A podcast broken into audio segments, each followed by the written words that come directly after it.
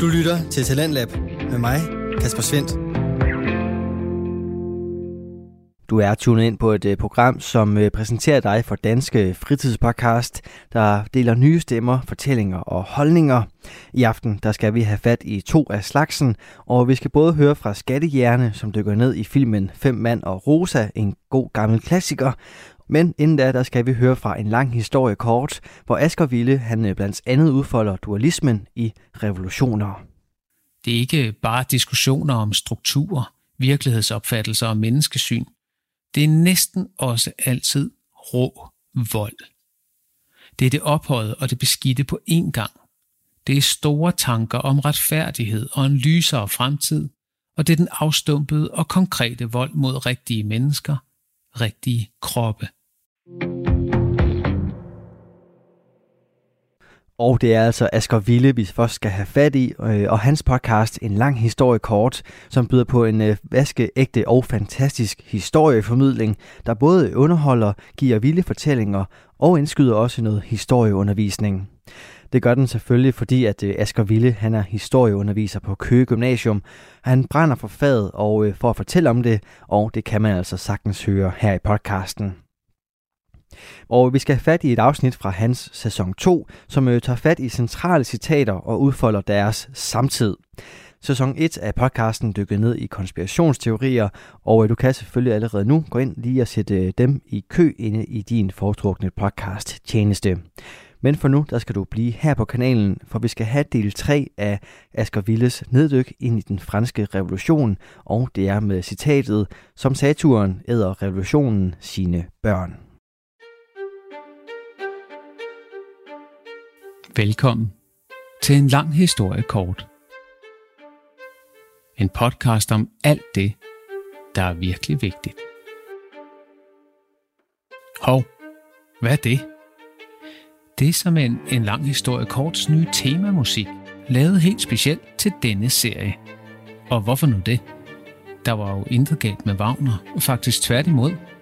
Men folk med forstand på sagerne har fortalt mig, at det er godt for en podcast at have et unikt lyddesign. Så nu har jeg betalt Rune Eskelsen for at lave et til mig. Forhåbentlig synes du om det. Og så nok om det. For nu kalder fortiden på os. I den svejsiske by Bern sidder en mand. Året er 1793. Han skriver. Foran ham ligger en bunke sider som tilsammen skal udgøre et essay om de begivenheder, der for tiden udspiller sig i hans hjemland Frankrig, og som allerede nu har givet genlyd over hele den vestlige verden. Revolutionen. Manden med pinden bryder sig ikke om den. Han føler sig kaldet til at nedfælde sin kritik, for han opfatter revolutionen som et angreb på den egentlige orden i verden, og som et angreb på kristendommen. Den holdning har han tidligere givet udtryk for på alle tænkelige måder. Derfor sidder han nu her i Schweiz i stedet for Frankrig. Han har måttet flygte for at redde sit liv. I første omgang støttede manden tanken om, at man måtte gennemføre nogle reformer. Han kunne godt se, at det var nødvendigt, at Frankrig havde problemer.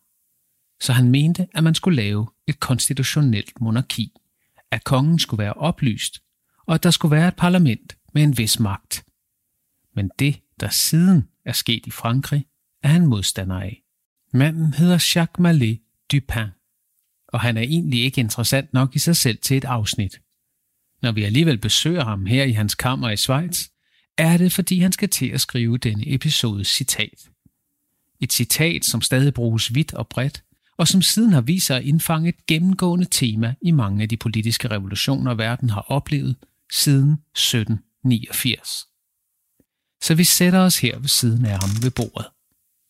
Det er ikke et dramatisk øjeblik på overfladen, sådan nærmest tværtimod. Men der er noget interessant i modsætningen mellem det helt almindelige og mondane i situationen og styrken af de ord, han skal til at skrive.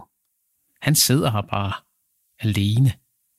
Det interessante ved øjeblikket sker, da hans tanker tager form, da han formulerer dem som ord og giver dem en plads i verden. Hans pen er dyppet i blæk og trækkes i smukke buer hen over papiret. Han ved næppe, at han er ved at formulere en udødelig sætning, selvom hans selvfølelse er ganske stor. Han skriver i sagens natur på fransk, men jeg skal nok oversætte, når han er færdig. Sådan. Nu står sætningen der. Og den lyder À l'ensemble du Saturne, la révolution devore ses enfants. På dansk står der, ligesom Saturn æder revolutionen sine egne børn. Ja vel. Og hvorfor er det så et interessant citat, spørger du måske. Det er der flere gode grunde til, og flere af dem vender vi tilbage til senere, men helt overordnet kan vi jo lige tale om de grundlæggende elementer i sætningen. Så jeg siger det lige en gang til. Citatet lyder, ligesom Saturn æder revolutionen sine egne børn. I daglig tale i dag er citatet bare forkortet til sætningen, revolutionen æder sine egne børn. Malé skriver sætningen, fordi han mener, det er det, der er ved at ske i Frankrig, og det har han på mange måder ret i. Revolutionens vigtigste personer halshugges på stribe af andre revolutionære. Men inden vi forlader hans lille kammer, må vi jo hellere tale lidt om, hvad sætningen så egentlig betyder. Det Malé skriver er en sammenligning, og den trækker på en kendt mytologisk fortælling fra både Rom og det antikke Grækenland. Romerne overtog mange af de græske guder, men gav dem nogle andre navne. For eksempel kaldte de den græske titan Kronos for Saturn. I den græske mytologi var titanerne børn af universets skabere, og de var den første omgang guder, før den næste generation med Zeus i spidsen kom til. Kronos, eller Saturn som romerne altså kaldte ham, var ifølge fortællingen det redsomste af alle børn. I dag har vi lært, blandt andet på grund af Rousseau, som vi talte om sidste gang, at børn er nogle vidunderlige skabninger, som vi voksne ikke må ødelægge. Men i det antikke Grækenland måtte man altså gerne sige, at nogle børn er skide irriterende. Og sådan et barn var Kronos. Og endnu værre var det, at han var fuld af had til sin far. En moderne psykolog ville måske indvende, at Kroners dårlige adfærd og had til faren stammede fra samspillet mellem de to, og at faren nok bare ansvaret, men den slags nuancer optræder ikke i fortællingen. Kroners var en frygtelig unge, og han satte sig op imod sin far. Fortællingens motiv er altså det almindelige og tidløse generationsopgør, kampen mellem far og søn. Og til sidst smider Kronos eller Saturn sin egen far væk fra tronen og overtager den. Her i ligger selvfølgelig den åbenlyse parallel til revolutionen, hvor Ludvig den 16. så er faren. Men samtidig var Kronos meget bange for, at hans egne børn skulle være lige så redsomme, som han selv havde været, og en dag fjerne ham fra tronen. Så han åd dem. Ja, han åd sine børn. Den græske mytologi er ofte ret kontant og ikke skabt til det danske folkebiblioteks børneafdeling eller til særligt sensitive børn, så sådan er fortællingen. Kronos æder sine egne børn, så de ikke kan udfordre hans magt. Det er den parallel, som Malé mener at kunne drage mellem myten og revolutionen. For så snart man har smidt sin far ned for tronen og selv har opnået magten, begynder man at bekrige hinanden, at æde hinanden, eller i hvert fald at smide hinanden i guillotinen. Det er den konkrete parallel, Malé vil illustrere med citatet. Nå, men vi kan jo ikke blive her hos Malé. Nu har han skrevet ordene, og vi har en aftale med en gruppe mænd foran en låst dør. Jeg lovede nemlig sidst, at vi i dag skulle finde ud af, hvordan revolutionen egentlig forløb. Men inden vi forlader Malé, kan vi da lige kaste et sidste blik på ham. Han ser tilfreds ud. Med sig selv og med sine ord. Måske fornemmer han alligevel, at han har skrevet noget, der vil leve længere, end han selv kommer til. Og med sine høje kindben og tunge øjenlåg, med sin slanke krop og tydelige hage, så gør han et aristokratisk indtryk. Det er en skriften og ordets mand, der sidder her. Og så har Jacques Mallet Dupin fået opmærksomhed nok for denne gang. Døren er låst. Ganske enkelt låst. Bag døren ligger den sal, hvor stænderforsamlingen indtil videre har mødtes. Det er den sal, den franske kong Ludvig den 16. har gjort til magtens centrum for en tid og foran døren står repræsentanter for den nyligt selvudnævnte nationalforsamling, og de vil ind i salen. Det er den 20. juni 1789, og vi er vendt tilbage til revolutionens begyndelse. Mændene vil ind i salen og understrege, at de skal tages alvorligt. Som du måske husker fra de tidligere afsnit, var de for tre dage siden en del af tredjestandens udvalgte repræsentanter, men nu mener de, at de i stedet repræsenterer hele den franske nation.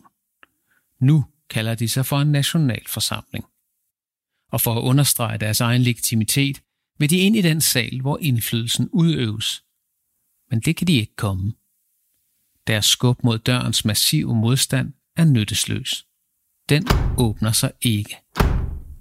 Døren lader sig ikke rokke, og mændene lader sig ikke stoppe. Det er en variation af det klassiske paradoks, spørgsmålet om, hvad der sker, når en kraft, der ikke kan stoppes, møder et objekt, der ikke kan flyttes. Hvad sker der, når den nye verdens repræsentanter støder mod den gamle verdens modstand? Vilde blikke kastes rundt mellem mændene, og høje, forarvede råb udveksles. Hvad er det, der foregår? Hvorfor bliver de holdt ude? Luften diger af tilbageholdt panik og opstandelse. Det er kongen, råber en. Det er kongen, som vil udelukke os. Og den forklaring tager bolig i de tilstedeværende med lynets hast. Det er kongen, der har beordret døren låst. Det må det være. Råbene bliver voldsommere, mundene åbne og øjnene stiger intenst rundt i forsamlingen. For tre dage siden var disse mænd som sagt repræsentanter for tredje standen. Gruppen af borgere, bønder, håndværkere, husmænd og alle, som ikke var enten kirkelige eller adelige. De var sendt til Paris til stænderforsamlingen i et sidste forsøg på at bevare en samfundsform, som er ved at krakkelere. En samfundsform, hvor ens livsvilkår og fremtidsmuligheder i det store hele afgøres af, hvem man fødes af. En samfundsform, der deler mennesker op i stænder. En samfundsform, hvor loven ikke er lige for alle. Nu kalder disse mænd sig i stedet for Nationalforsamlingen. Nu hævder de, at de er de sande repræsentanter for hele Frankrig, ikke blot for en afgrænset gruppe. De er repræsentanter for hele det franske folk, og som vi talte om sidste gang, viser de dermed, at de støtter den oplysningsfilosofiske tanke om, at det er folket, som giver magten til staten, ikke Gud. Ved at kalde sig for en nationalforsamling fortæller de også, at der findes en fransk nation. Et land, hvis kerne og grænser defineres af folket, folkets sprog, historie og kultur, ikke af, hvem en konge har erobret eller giftet sig med. Men den låste dør fortæller dem, at kongen nægter at anerkende netop det, at de er en nationalforsamling. Så hvad gør en kraft, der ikke kan stoppes? Hvad gør den egentlig, når den møder en modstand fra det gamle styre, som ikke lader sig flytte? Ja, altså i praksis så skynder den sig over i en indendørs tennishal, som ligger ganske tæt på. Ja, du hørte rigtigt. De forarvede mænd, som storladent og historisk oplever den låste dør som et forsøg på at undertrykke dem og deres ret til at kalde sig nationalforsamling, skynder sig over i en tennishal i stedet for. Og dermed har vi så det noget profane svar på, hvad en kraft, der ikke kan stoppes, gør, når den møder modstand.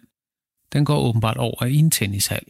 Det er ikke så poetisk som selve dilemmaet, det vi er vidne til. Sådan en indendørs tennishal er ikke indtagende og storladende i arkitekturen, selvom den i 1789 trods alt er mere æstetisk fornøjelig end det linoleumshelvede af bølgepomfritter, fodvorter og sure halvinspektører, som flere af os husker fra vores barndom. Nationalforsamlingen frygter ikke at blive smidt ud af en mand med rigtig mange nøgler og en grundfæstet mistillid til børn. Der er ingen H2O-sandaler og skimmelsvamp, og salen fungerer egentlig godt til formålet, for den er stor og rummelig. Så her står de, overbeviste om, at kongen har sat hårdt mod hårdt, og at den låste dør er et konkret resultat af, at han har tænkt sig at tvinge nationalforsamlingen til at droppe deres krav, aflægger de i denne sal en ed. De deler en kollektiv følelse af, at de er kommet til et afgørende øjeblik i historien. Det er nu, der skal handles. Det er nu, de skal stå fast, eller også vil de og deres sag gå til grunde. Der er kun to muligheder. Så de sværger, at de ikke vil opløse deres nationalforsamling, før Frankrig har fået en ny forfatning, altså en ny grundlov. Og dermed begynder revolutionen. Lige her i salen med de låste døre som en lille, men udløsende årsag, sværger de forsamlede, at der ikke er nogen vej tilbage. Enevælden, kongens uindskrænkede magt, må falde. Revolutionen er begyndt.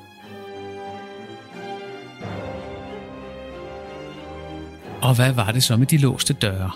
Var det kongen, der havde fået dem låst? Det ved man faktisk ikke med sikkerhed. Nogle historikere hælder til den opfattelse, at nationalforsamlingens mænd havde ret, at kongen faktisk ville bremse dem med en låst dør.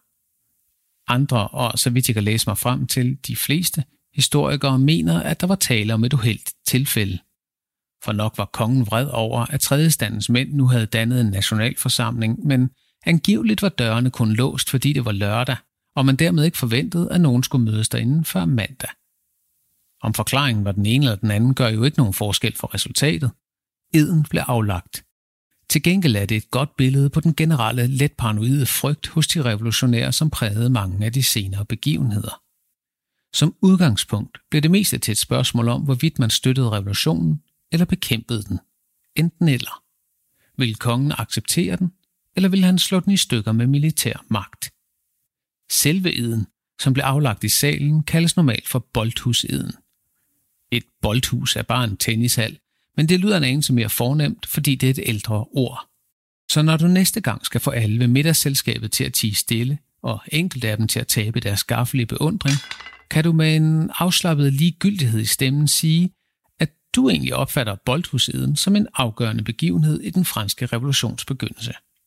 For, for det første vil du have ret, og for det andet vil alle du kender se op til dig.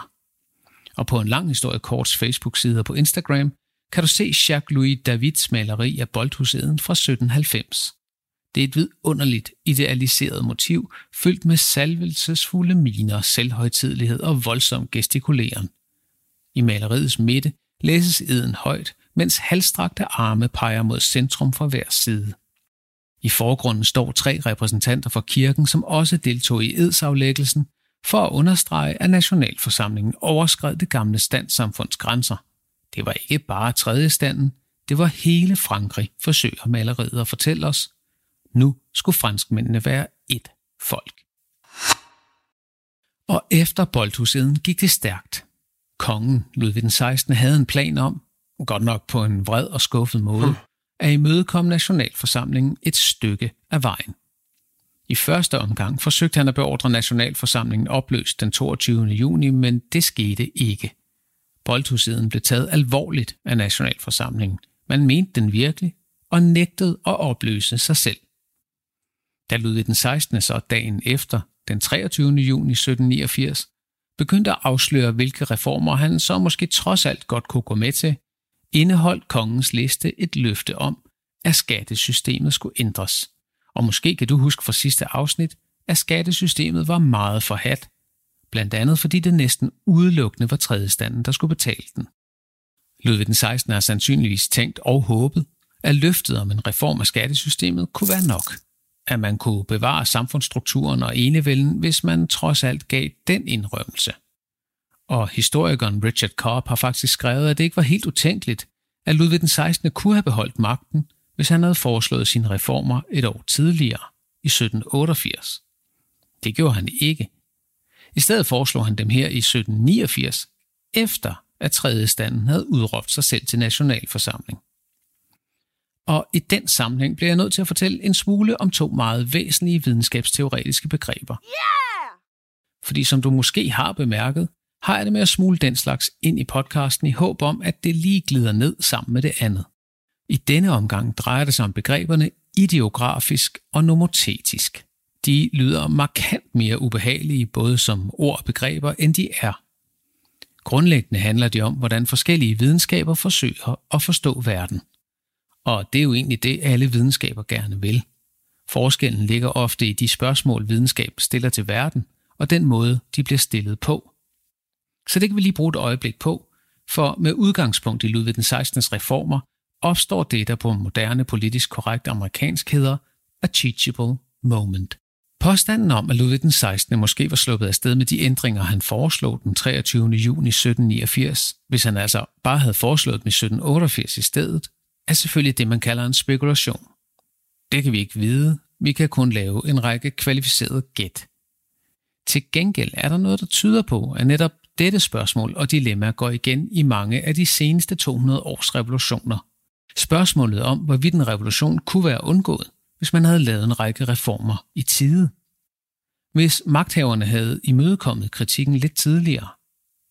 Da revolutionerne i Rusland brød ud i 1917, levede langt de fleste russere et liv i stor fattigdom i et tilbagestående feudalsamfund på landet. Den russiske zar havde undladt at lave løbende reformer, og dermed at ændre samfundet gradvist og langsomt i retning af bedre vilkår for den russiske befolkning. I stedet havde zaren grundlæggende holdt fast i en samfundsstruktur, der mindede en hel del om den, der blev væltet om kul i Frankrig i 1789. Kunne zaren have beholdt magten, hvis han og hans forfædre havde lavet liberale og sociale reformer i de forudgående 100 år? Det er ikke utænkeligt. Og da det kinesiske kejserdømme blev væltet i 1911-12, havde de kinesiske kejsere i knap 300 år kæmpet med næb og klør for at holde al udefra kommende påvirkning væk fra Kina og alle indefra kommende krav om forandringer nede. Til sidst gik den ikke længere. Måske kunne det have set anderledes ud, hvis Qing-dynastiet, som kejserfamilien hed, havde lavet langsomme, løbende forandringer af samfundet. Det rejser så til gengæld spørgsmålet om, hvorvidt revolutioner altid er konsekvensen af hårdnakket reformmodstand. Kan man egentlig generelt sige, at risikoen for en revolution altid øges, hvis magthaverne nægter at imødekomme kritik i for lang tid? Og kan man modsat sige, at revolutioner kan undgås, hvis magthaverne i et land formår at acceptere kritik og lave reformer af samfundet? Og så er vi igen tilbage ved de to begreber, jeg nævnte, nemlig det ideografiske og det nomotetiske. Når man prøver at sige noget generelt om verden eller om et begreb, så arbejder man nomotetisk. Det er for eksempel det, man gør i samfundsvidenskaben. Man studerer virkeligheden og historien med det formål at sige noget generelt om for eksempel årsagssammenhængen, man er altså mest af alt interesseret i det fælles, frem for det specifikke. På den måde håber man at kunne sige noget generelt om bestemte forhold. Måske kan man finde ud af, hvordan folkedrab opstår generelt, eller revolutioner generelt, eller totalitarisme. Historievidenskaben er til gengæld ikke nomotetisk. Historikere undersøger i stedet som udgangspunkt det, man kalder ideografisk. Når man undersøger noget ideografisk, betyder det, at man interesserer sig for at forstå enkelt tilfælde. Så undersøger man for eksempel den franske revolution eller Hitlers magtovertagelse med det formål at finde ud af, hvordan netop det specifikke forhold udfoldede sig. Ikke hvordan revolutioner generelt opstår. Og det er jo også det, vi gør her i podcasten. Formålet er at forstå, hvordan den franske revolution opstod og udspillede sig, ikke hvilke fællestræk alle revolutioner måske har. Det ene er ikke bedre eller finere end det andet. Det er bare to forskellige måder at undersøge verden på. Og samtidig er det jo svært at forestille sig, at historie og samfundsvidenskab kan eksistere uden hinanden. For jeg har jo netop som historiker tilladt mig at spekulere på, om der altid er tale om, at magthaverne kommer for sent i gang med reformer, når en revolution finder sted. Og så har jeg jo formuleret en nomotetisk hypotese. Og samtidig kan man ikke sige noget generelt om for eksempel sociale revolutioner, hvis man ikke studerer historievidenskabens ideografiske undersøgelser af de specifikke sociale revolutioner, der har fundet sted.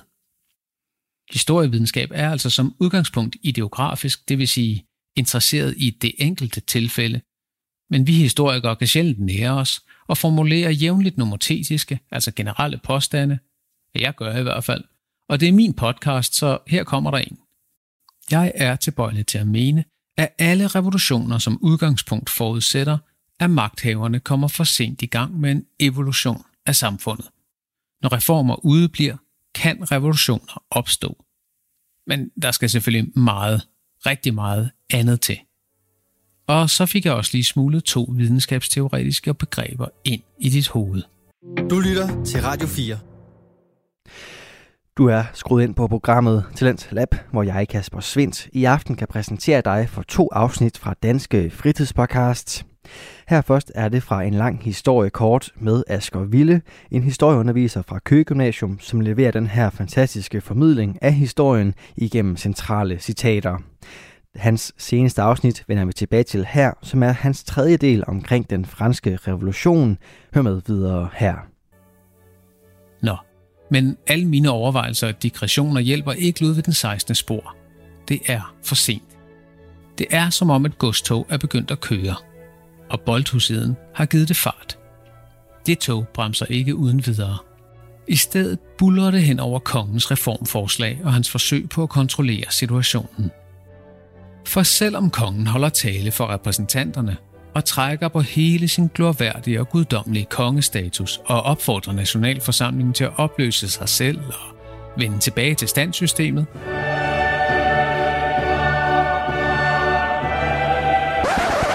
er det alt for let og alt for sent.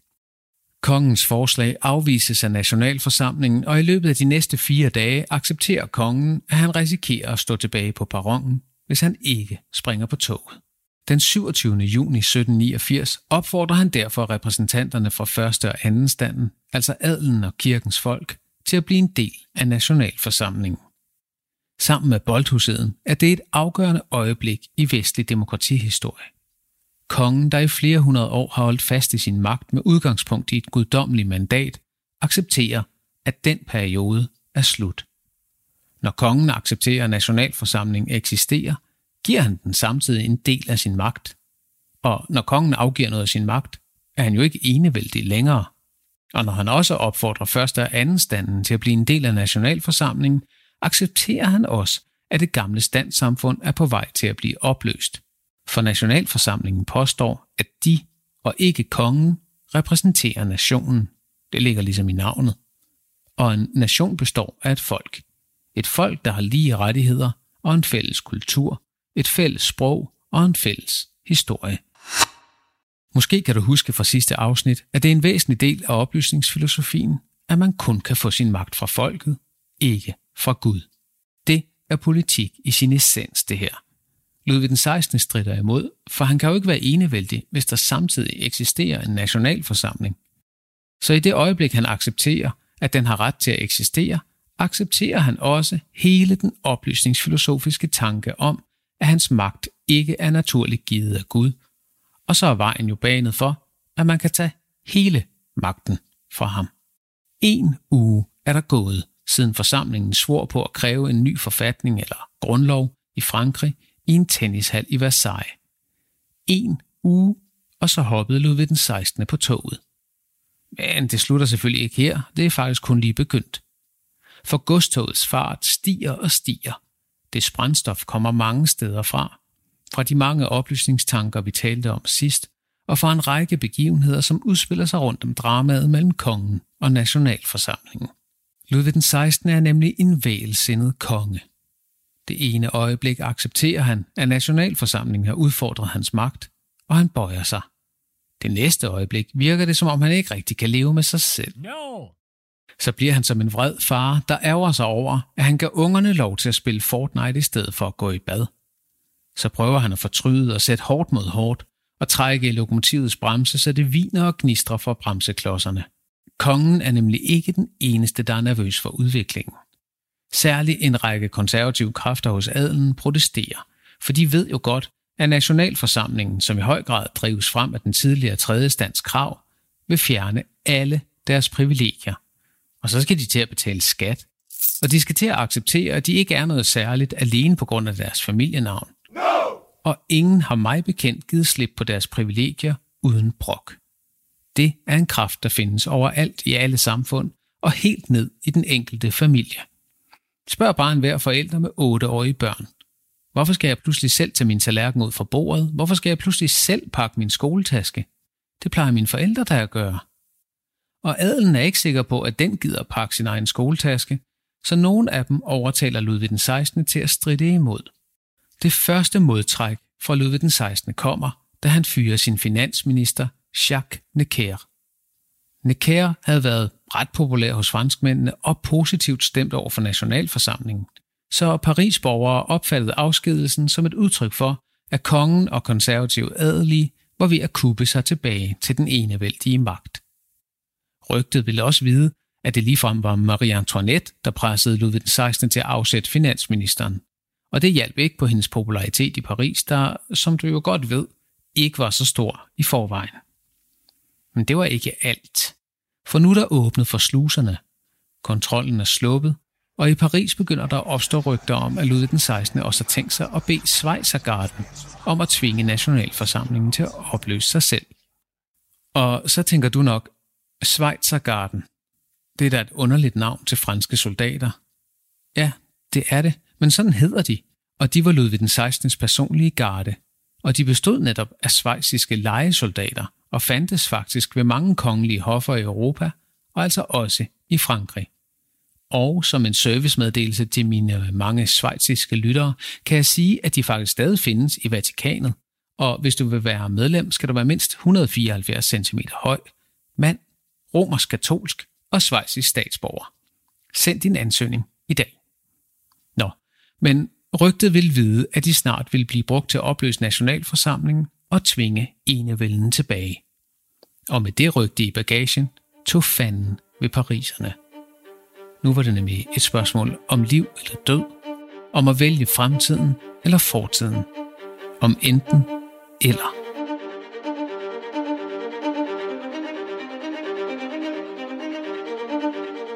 Og når man er fuld af vredens kraft, skal man finde nogen og noget, det kan gå ud over. I dette tilfælde blev det den såkaldte Bastille. Den 14. juli 1789 stormede en menneskemængde på knap 1000 parisere, herunder 21 vinhandlere fra man er vel i Frankrig, det kendte fængsel Bastillen. Historikere diskuterer stadig, hvad det egentlige formål med stormen på Bastillen var. Fængslet var kendt for at huse politiske fanger, herunder kardinal Rouen, som du måske kan huske fra diamanthalskædeskandalen. Men der sad kun syv fanger i Bastillen på det tidspunkt, så det har nok ikke udelukkende været for at befri dem. Der var også våben og krudt derinde, men ikke rigtig nok til, at man kunne forsvare sig mod Schweizergarden. Den generelle opfattelse er, at det mest af alt var et angreb på et kendt symbol på enevældens magt. Et gammelt undertrykkelsesinstrument, som skulle smadres, så kongen forstod, at man ikke havde tænkt sig at acceptere, at revolutionen blev rullet tilbage. Alle de overvejelser var dog ligegyldige for kommandanten de Launay, som befandt sig i fængslet sammen med sine 100 vagter plus 30 soldater fra Schweizergarden. Han var en aristokratisk udseende mand på 49, som ikke uden videre ville overgive sig til angriberne. Han ville gerne forhandle, og han lovede, at han ikke ville skyde, så længe ingen af hans mænd blev angrebet. Desværre er snak og ventetid ikke noget, som en tsunami af vrede revolutionære håndterer særlig godt. Efter et par timer begyndte de mest utålmodige pariser derfor at tiltvinge sig adgang til gårdspladsen og ødelægge de kæder, der holdt Vindebroen på plads. Så faldt broen, og så brød helvede løs. Nu var det slut med at smadre Bastillen på en ikke voldelig måde. Vagterne begyndte at skyde, og så begyndte folkemængden at skyde tilbage, og det blev de ved med i fire timer. Revolutionen var blevet voldelig. Fra en kamp på ord og begreber og diskussioner om magt, var man nu gået over grænsen. Man havde krydset Rubicon. Over grænsen til den fysiske vold. Den konkrete anledning var banal, men den var afgørende, for nu flød blodet i Paris gader, og det ville ikke stoppe forløbig. Efter de fire timer overgav Lonessa. Han skulle egentlig eskorteres tilbage til Hotel de Ville, hvor opstandens ledere befandt sig, men han nåede aldrig så langt. Undervejs blev han overfaldet af menneskemængden, sparket, slået og stukket gentagende gange med en kniv. Han skulle angiveligt til sidst i desperation have råbt, at nu var det nok, nu skulle man lade ham dø. Og det gjorde man så. Efter mordet på Lonet savede en slagter hovedet af ham og satte det på en lang lanse. Og så blev hans hoved ellers båret rundt i gaderne. Der er noget intenst ved det motiv, noget der er langt mere uhyggeligt end selve den bestialske handling, for det indkapsler et grundlæggende element i revolutioners natur. Det er ikke bare diskussioner om strukturer, virkelighedsopfattelser og menneskesyn. Det er næsten også altid rå vold. Det er det ophøjet og det beskidte på én gang. Det er store tanker om retfærdighed og en lysere fremtid, og det er den afstumpede og konkrete vold mod rigtige mennesker, rigtige kroppe. Det er diskussioner, forfatninger og vigtige skridt i de menneskelige samfunds udvikling, og det er dehumanisering, blødende væv og blodrus. Den franske revolution er startskud til vores liberale demokratiske samfundsform, hvor menneskerettigheder og lighed for loven udgør de bærende søjler i hele konstruktionen. Men selve revolutionen var rå, voldelig og blodig, og der er ikke meget oplyst humanisme over at save hovedet af en lidt tilfældig repræsentant for kongens hær. I dag fejrer Frankrig ikke desto mindre hvert år stormen på Bastillen. 14. juli hejses det franske flag trikoloren blå, hvid og rød overalt i Frankrig. For her, midt i stanken af blod, har man vedtaget, at den franske republik blev født. Ikke med boldhuseden, men med stormen på middelalderborgen. Den blev sidenhen revet ned, så du kan ikke besøge den i dag, men du kan besøge pladsen, hvor den lå. Der står der i dag en søjle, som minder om en senere fransk revolution i 1830, men den når vi altså ikke at tale om i dette afsnit. Men hvad så med Malis citat? Der er vi ikke helt endnu, for revolutionen er ikke begyndt at æde sine egne børn. Nok er revolutionen Kroners, men vi er kun nået til den del af fortællingen, hvor far væltes ned fra tronen. Det var til gengæld tydeligt for store dele af den franske adel, at det her ikke var noget, der ville gå over af sig selv, når det blev regnvejr. Mange franske adelige begyndte straks efter at flygte til udlandet, og nogle af dem begyndte at overtale de andre europæiske kongehuse til at gribe ind. Og de havde en god sag, for hvis kongen kunne miste sin magt så hurtigt i Frankrig, så kunne det samme vel ske for andre konger. Skulle man ikke tage og sende nogle soldater til Frankrig og kvæle den revolution? Jo, det skulle man vel egentlig, men det skete ikke lige med det samme. Det tager tid at samle den slags modstand, og i mellemtiden fortsatte balladen i Frankrig. Stormen på Bastillen og en række lignende hændelser havde understreget over for Ludvig den 16. at hans forsøg på at kvæle revolutionen ikke uden videre ville lykkes. Han slap derfor grebet igen. Jeg sagde jo, at han var vælsindet, og i stedet begyndte Nationalforsamlingen arbejdet med at skrive en ny forfatning. Men rygterne om adelens og kongens kontrarevolution, som havde ført til angrebet på Bastillen, var ikke forsvundet. De havde spredt sig som en omgang omikron til store dele af Frankrig. Og her blev særligt bønderne grebet af panik. Og jeg mener panik. Man kalder faktisk ligefrem den panik for la grande peur, den store frygt. Som du sikkert husker, var der jo mangel på korn og dermed på mad på grund af den dårlige høst. Og den slags forsvinder jo ikke bare fordi man stormer en bastilje eller skriver en forfatning. Den usikre situation blandede sig med rygterne om, at adelen stadig planlagde et modkup, og mange steder på landet begyndte man at frygte, at adelen ligefrem ville sulte bønderne ihjel. De franske bønder begyndte derfor at angribe de lokale herregårde rundt omkring i Frankrig. Der var trods alt ikke mange eksempler på, at bønderne ligefrem myrdede herremændene og deres familier, men det skete nogle steder. For det meste opsøgte de simpelthen herregårdene for at finde de dokumenter, som indeholdt herremændenes ejerskab til landbrugsjorden. Og når dokumenterne var fundet, brændte man den en gang imellem sammen med herregården. Det var simpelthen et konkret forsøg på at sige, af adelens privilegerede ejerskab til jorden var slut. La Grande Peur gav genlyd i Paris og understregede den udvikling, som begyndte med stormen på Bastillen. Nu var det ikke bare ord og filosofi. Det var handling. Og Nationalforsamlingen opdagede, at de kunne risikere at miste kontrollen over revolutionen. Den store frygt drev nemlig bønderne ind i Paris, og protesterne var enorme. Man risikerede, at det hele ville eksplodere, og Nationalforsamlingen, som havde krævet magten, havde sammen med den magt også fået et ansvar for at få tingene til at falde til ro igen. Så for at dæmpe gemytterne, vedtog de de næste store revolutionære skridt, de såkaldte augustdekreter. Og nu skal du lige holde lidt fast i stolekanten, for de er faktisk enormt voldsomme, selvom de hedder noget så åndsfortærende kedeligt som augustdekreterne. Og jeg skal nok forklare hvorfor. Så, nu skal du holde fast i stolekanten. For natten mellem 4. og 5. august 1789 vedtog Nationalforsamlingen, at alle særlige rettigheder, der var knyttet til en person og en stand, var ophørt med at eksistere, sammen med kirkens ret til at indkræve tiende. Det er nu, du vil være faldet ned af stolen, hvis du ikke havde holdt fast. Eller, i hvert fald er jeg ret sikker på, at du ville være faldet ned, hvis du havde været en fransk herremand i 1789. For ordene betyder, at du ikke længere var noget særligt i forhold til resten af franskmændene. At du ikke længere har ret til at kræve, at bønderne betaler skat til dig. At du ikke længere har en særlig medfødt ret til jorden, og dermed til at bestemme over de bønder, der dyrkede den. De betyder, at feudalismen, det tusind år gamle samfundssystem, var afskaffet. Og kirken, den havde ikke længere en naturlig ret til at tage 10% af bøndernes høst. Nu var alle lige for loven.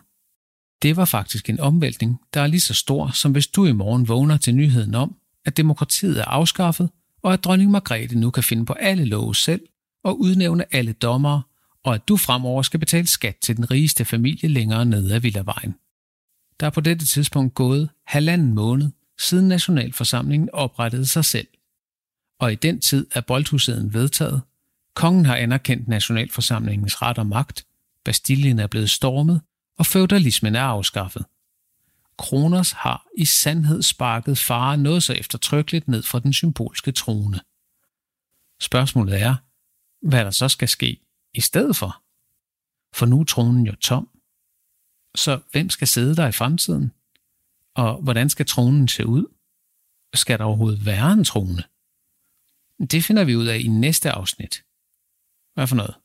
Var det her ikke sidste afsnit om den franske revolution? Jo, det var så. Men det er jo ikke min skyld, at der sker så meget, at jeg ikke kan nå det hele. Altså, det er måske lidt min skyld, at jeg ikke bare skærer mere fra, men alligevel, som mine elever plejer at sige, når de løber tør for argumenter. Men bare rolig, jeg har allerede skrevet halvdelen af den næste afsnit, så det kommer ret hurtigt ud. Glæd dig, for der er både vrede kvinder og en forklædt konge med i afsnittet. Og vi fortsætter med anden halvdel af det samme citat, nemlig at revolutionen æder sine egne børn. Og dermed er det også tid til noget nyt. Et shout-out. På Facebook og Instagram lavede jeg nemlig en lille konkurrence om, hvem der kunne gætte, hvilken person man kunne se på et bestemt billede. Det rigtige svar var Jacques Mallet Dupin, som altså leverede citatet til dette afsnit.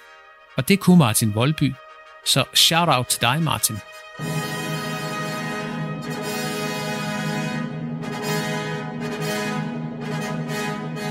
Det er godt set, fordi Malé som sagt ikke er nogen superstjerne og lidt kedelig.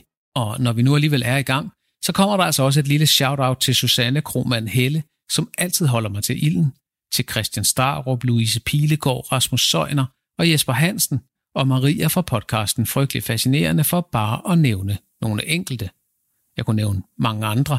Jeg kunne nævne jer alle sammen, alle jer, der har skrevet søde beskeder, og alle jer, der har købt en kop kaffe til mig, jeg er blevet så glad for hver eneste hilsen, hver eneste anmeldelse i iTunes, hver eneste kop kaffe og hver eneste indstilling til podcastprisen. Tusind tak. Det gør mig pavestolt, at jeg laver noget, som nogen finder mening i. Så vi lyttes ved om ganske kort.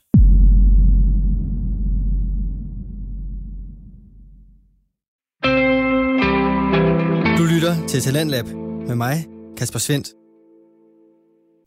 Og således fik vi altså afrundet den øh, tredje del af Asger Villes neddyk ind i den franske revolution i podcasten En lang historie kort, som her i sæson 2 tager fat i centrale citater og udfolder deres samtid.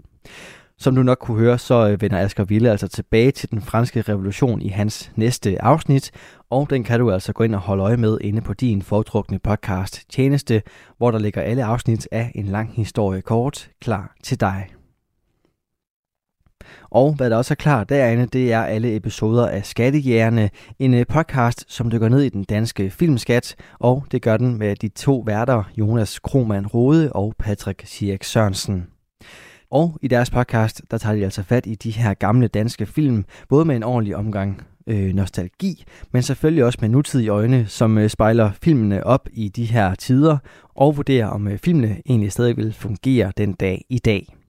Det gør de også her i aften med øh, filmen Fem Mand og Rosa, som er en vaskeægte kubfilm. Og, øh, og de gør det ikke alene her i aftenens episode, for de er nemlig besøg af gæsten Jannik Dahl Pedersen fra en anden podcast, der hedder Sløjt Læsning.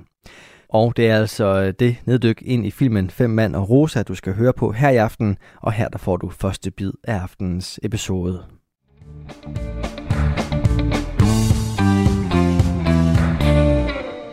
Velkommen til Skattejægerne. Øh, vi sidder her igen i Jonas' lejlighed nu. Mm. Vi er ikke på kontoret mere. Det var for sidst. Vi er blevet fyret. vi blev fyret. Ja. Øhm, Undskyld. ja, det, sådan er det. Øh, og øh, vi har en gæst med i dag. Øh, nu hvor Strauss er lidt øh, fraværende, så er vi jo gået og savnet. Savnet nogle andre end os to, Jonas. Skal have selskab. Ja. Heldigvis, så vil øh, Jannik gerne være med i dag. Ja, hej. Uh, jeg sidder lige her, Jonas. Ja. Hej. Det er en lidt mærkelig intro, kan jeg godt mærke det. Ja. øhm, Jannik, du har Ja. været med før. Du har Ja. jo været med i, øh, i, forbindelse med sløjtlæsning, var med. Det har jeg nemlig. Øh. Jeg har nemlig også en podcast, der hedder Sløjtlæsning, og vi var med øh, sidste jul, lige, om, lige før jul føltes det som. November var det. Ja, ja, Ja, der, præcis. der startede julen. og så øh, og der, læste, eller der så vi øh, Maja Mafiaen. Ja. Den perfekte danske film. Den, Maja Mafiaen. den bedste danske. Ikke en eneste fejl i den film. Nej, Den er fremragende. den er fremragende. Ja. Ja. Øh, og øh, ja, nu, nu har du så øh, øh, spurgt vi dig, om du vil være med. Ja. Og sagde du, det vil jeg sgu da gerne. Ja. Og så øh, skulle du vælge en film. Så sagde jeg, jeg vil gerne være med på den øh, betingelse, at vi ser Fem Mand og Rosa. Ja. det er rigtigt nok. Det var sådan, det var. Ja. nu kan jeg huske det. Så det er 100% mig, der har ja. tvunget os alle sammen til at se den her film.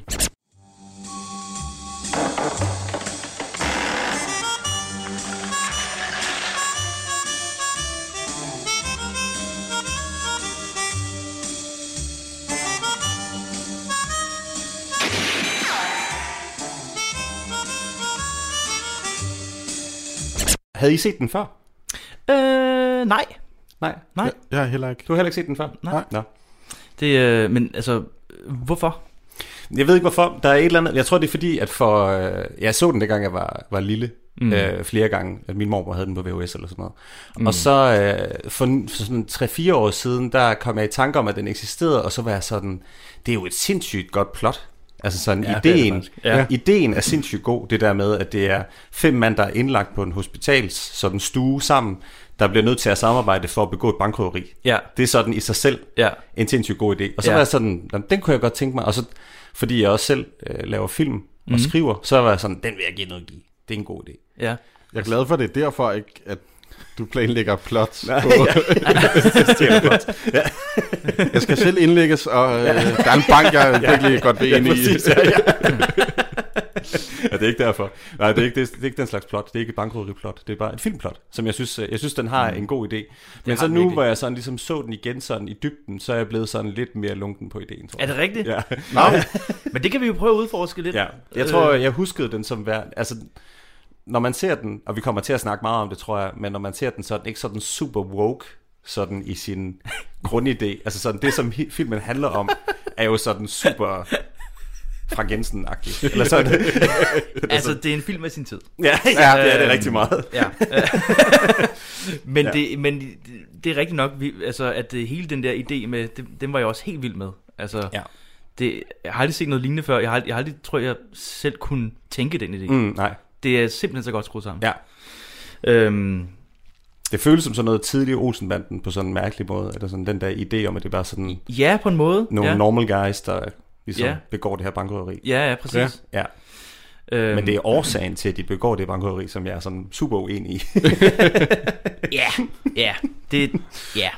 Men det, det er sådan er det med alle. Altså, det, det er også, sidste gang, der snakkede vi også om den grønne elevator der, Ja, hvor ja. Altså hele, hele slutningen på den film er jo også bare sådan, nej, Ja. øh, hvor, hvor, det var ikke, det, det var så ærgerligt, fordi det var en fed film. Men lige Ja, ja. slutningen var sådan lidt, ja. åh, Hvor hvis bare det lige havde lavet den om, så jamen, havde det det, været genialt. sådan noget, Ja, ja, ja. Øh, hvor at, øh, den, sådan havde man ikke lavet den i dag. Nej, præcis. Øh, Men jeg tænker, vi kommer, vi kommer til det. Alle dens sjove problemer, Ja, når ja, vi ja. så gennemgår filmen. Og alle dens fede sider. Ja, præcis. Ja, ja, bestemt. Der er bestemt nogle Der gode er ting i den. bestemt nogle fede sider. Ja. Altså det hele, det hele starter jo med, øh, øh, at øh, jeg vidste simpelthen ikke, at den var sort-hvid. Nej. Og det vidste jeg heller ikke. Altså det var sådan, nå, fordi den, altså, Ja. plakaten er jo med farver og Ja, det ja, ja. hele, og øh, og så var jeg sådan, nå, det skulle da egentlig meget interessant, fordi Ja. ja. den er fra 64, Ja. hvor det der med farver, det var helt vildt ind. Mm. Altså, ja, præcis. Og så alligevel så har instruktøren, Svend Metling, Ja. Øh, valgt God at lave... Svend den. Metling. Uh, ja. Ja. Vi har en historie med Svend Metling. Okay. Ja. Det er fordi, den første film, vi så med ham, det er en, der hedder Syd for Tana River. Okay. Som Den kender jeg overhovedet ikke. forfærdelig. Okay. Den er øh, skør. Men det er jo ham, der er the father of soldaterkammerater. Er Præcis. Og så Ja. vi, vi tænkte bare, okay, men han er sådan en lortinstruktør. det? Ja, ja. Ja.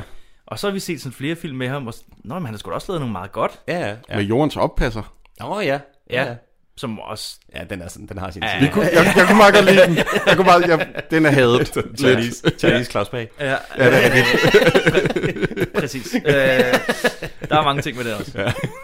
Men jo, øh, så øh, øh, Svend Mendling, han er sådan lidt en... Øh, nogle gange laver han noget rigtig godt, Ja. andre gange laver han noget mindre godt. Ja. Lidt ligesom Ridley Scott. Ja, ja, ja. Han er 60'er, Dan, Danmarks 60'ers virkelig Scott. Ja, ja. præcis. Det er Svend Mendling. Ja. Vi hørte det her først. Okay. Men, Nå. du, men jeg vil give dig ret i, at jeg synes, det, den er sindssygt flot. Altså sådan, fordi den er sort-hvid, Mm. øh, så, så kan man også mærke, at de bruger helt meget af det, som de har lært af at lave sort film. Så der er sindssygt meget lysarbejde, hvor de Præcis. sådan laver mørke scener, når det er nat, og sådan, Ja. de bruger skygger sygt meget og sådan noget. Ja, præcis. Men det er også en film, hvor jeg helt vildt hurtigt glemmer, at den er sort-hvid. Altså sådan, det Ja, synes, jo, da det jeg synes så, jeg så også. den, der var jeg sådan... Til sidst øh, tænker jeg over, altså du ved, Ja. man, man bliver bare suget ind i det, fordi det er så frisk og let i sit, sådan, den er så frisk og let i sit Ja, spil. ja, ja, Eller er sådan, så man er ikke sådan Nej, super, øh, du ved, man sidder ikke og synes, at den er sådan gammeldags eller, Nej. eller noget, selvom Nej. den er sort-hvid. det, Egentlig. det er helt, helt, helt klart. Altså, den, og sådan er det vel, øh, eller sådan skal det vel være med sort-hvid film. Det er, at man på en Ikke- måde glemmer det lidt. Ja, det er det. Ja. Øh, Det var ikke noget, jeg rigtig tænkte over. Nej. Det var lige i starten, tænker jeg, det er enten et flashback, eller også er Ja, præcis, jeg tænkte også- på. Ja, ja, præcis. Ja. Ja. Ja, Men jo, øh, sort-hvid, ja. og øh, det hele starter med en bankboks. Det gør det. Øh, og vi ser Arthur Jensen, Ja. Der kommer ind, og man ved med det samme, han er skurk. ja. Så han siger, Det er sygt uhyggeligt, fordi han, Mens, kommer, ja, han kommer ind sammen med ham der, Louis Mianara, Ja. ja. som er bankmanden. ja, Og så går han ind og låser op for ham, og så putter øh, Arthur Jensen, han putter ligesom et, en lille konvolut, leder Mhm. et eller andet chatek ind Ja, i ja, den ja. her bankboks. Og så efter han har lagt den derind, så stiller han sig op, og så siger han, ja. Og så, og så, så kan vi godt regne ud.